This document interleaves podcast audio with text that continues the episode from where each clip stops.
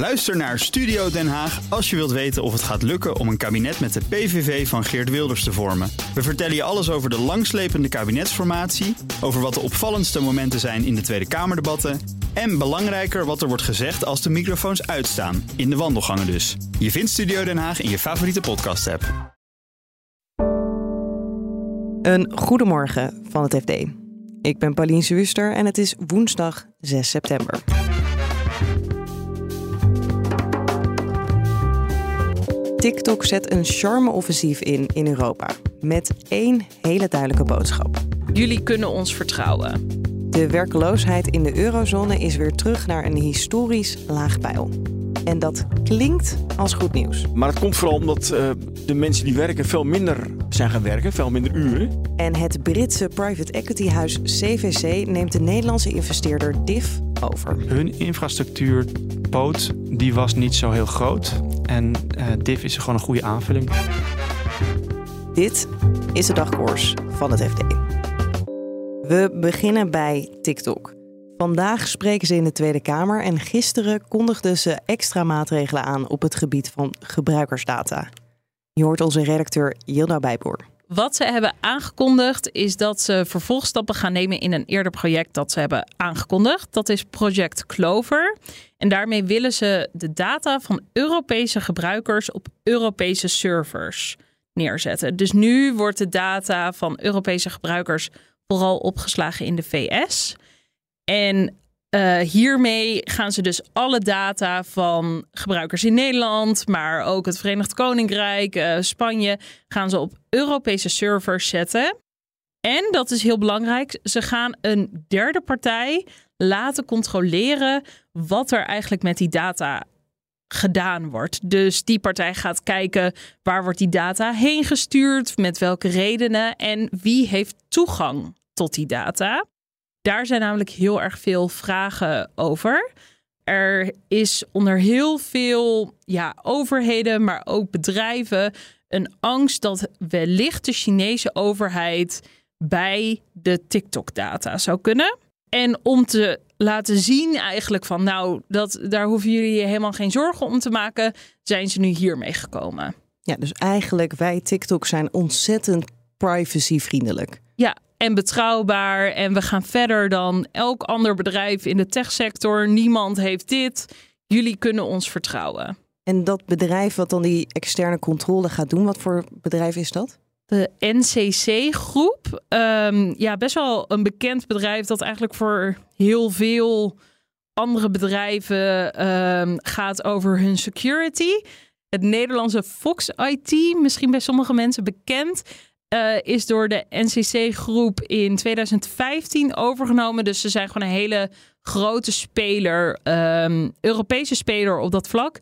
En in de call waar Ardi en ik, dat is mijn collega met wie ik dit stuk samen heb geschreven, in zaten, zeiden ze ook van dat was voor ons heel belangrijk. Dat het een Europees bedrijf was waarvan mensen echt op aan kunnen. En toen zijn ze bij de NCC-groep uitgekomen. Je zei al, nou ja, het is eigenlijk een charme-offensief om tegen te gaan. Nou ja, alle privacyzorgen die er zijn over TikTok. Kunnen we een inschatting maken of bijvoorbeeld instellingen of overheden die hebben gezegd: zet geen TikTok meer op je telefoon, dan ook een ommekeer gaan maken? Ja, dat is natuurlijk denk ik wel waar TikTok uh, op hoopt. Ze zeggen eigenlijk van we hebben nu deze stap ondernomen en het is nu voor ons tijd om te gaan praten met al die overheden ook die hebben gezegd nou Rijksambtenaren bijvoorbeeld bij ons, zet het niet meer op je telefoon. En ik denk dat ze eigenlijk vooral hopen de Europese Commissie daarvan te overtuigen. Die waren de eerste die zei: TikTok is niet veilig. Um, onze medewerkers mogen het niet meer op hun telefoon hebben. En sindsdien zie je eigenlijk dat er veel meer voor gewaarschuwd wordt. Dus ik denk dat ze hopen dat iedereen daarvan overtuigd wordt. We hebben, want we hebben TikTok ook gesproken voor een langer interview dat binnenkort te lezen is. En daarvoor hadden we even flink rondgebeld van ja, waar moeten we nou op letten? Waar moeten we naar vragen in zo'n interview? En toen waren er al mensen die dit misschien een beetje zagen aankomen dat TikTok deze stap ging nemen. En die zeiden, nou ja, wij weten het niet hoor. Wij weten ook niet of dit nou echt laat zien dat je data veilig is en dat het absoluut niet meer naar de Chinese overheid kan. En vandaag komt TikTok ook langs in de Tweede Kamer. Uh, wat gaan ze daar vertellen? Ja, dat is in een commissievergadering. En dan kunnen uh, leden van de digitale zakencommissie kunnen vragen gaan stellen aan TikTok.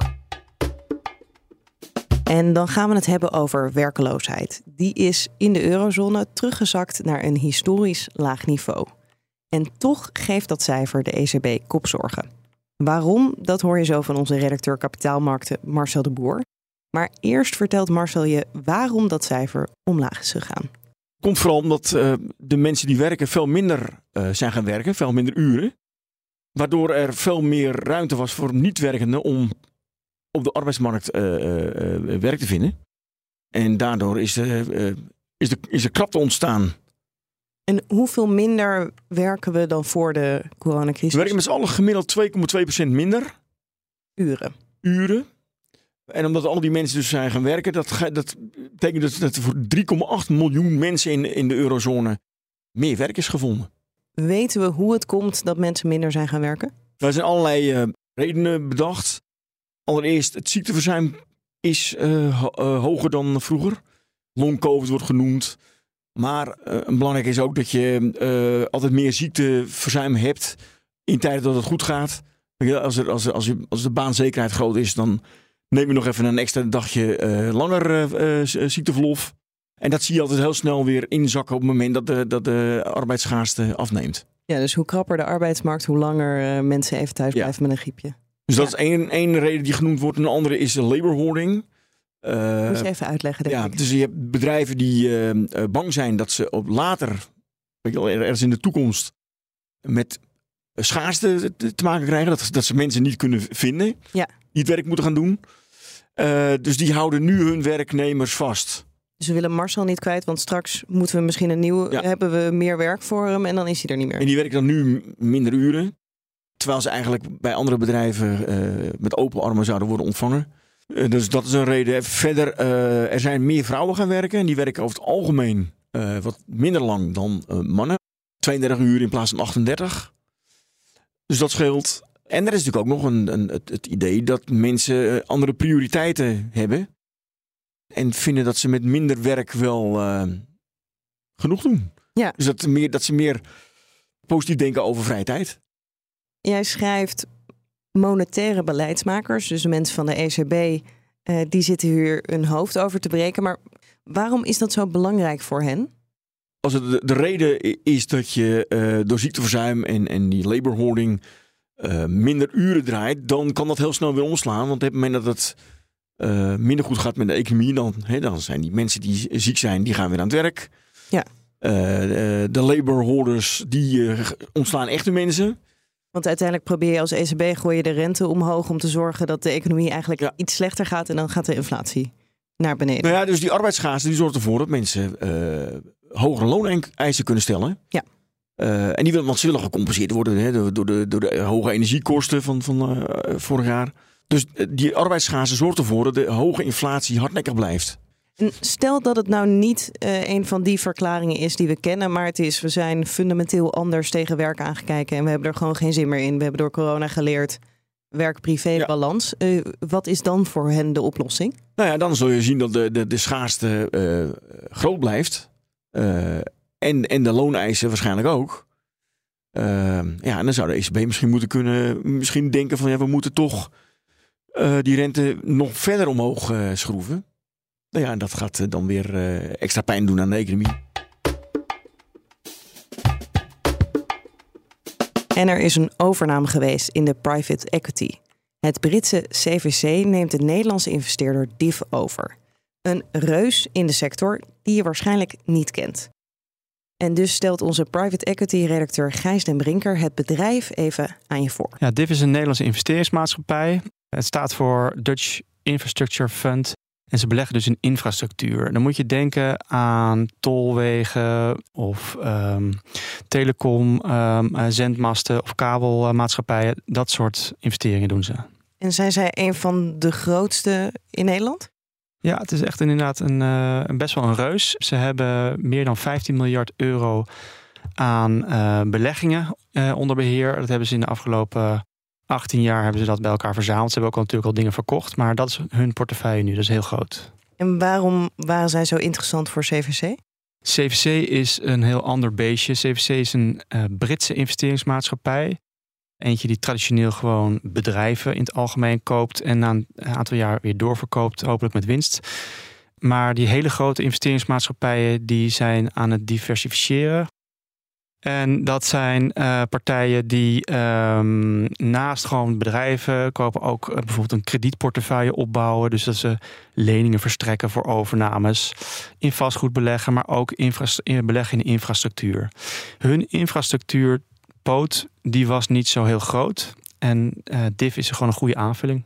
Ik begrijp dat voor de soorten investeerders die zij proberen aan te trekken, is infrastructuur ook een interessante belegging. Klopt. Je hebt veel institutionele beleggers, professionele beleggers die in private equity of investeringsmaatschappijen geld steken.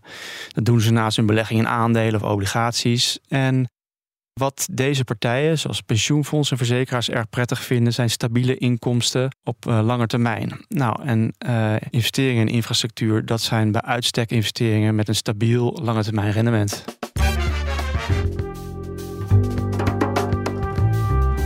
Dit was de dagkoers van het FD. Je kunt het laatste financieel-economisch nieuws volgen op fd.nl en in de FD-app. Dagkoers volg je door je op ons te abonneren in je podcast-app. Dan krijg je automatisch morgen de nieuwste aflevering binnen. Nog een hele fijne dag en graag tot morgen.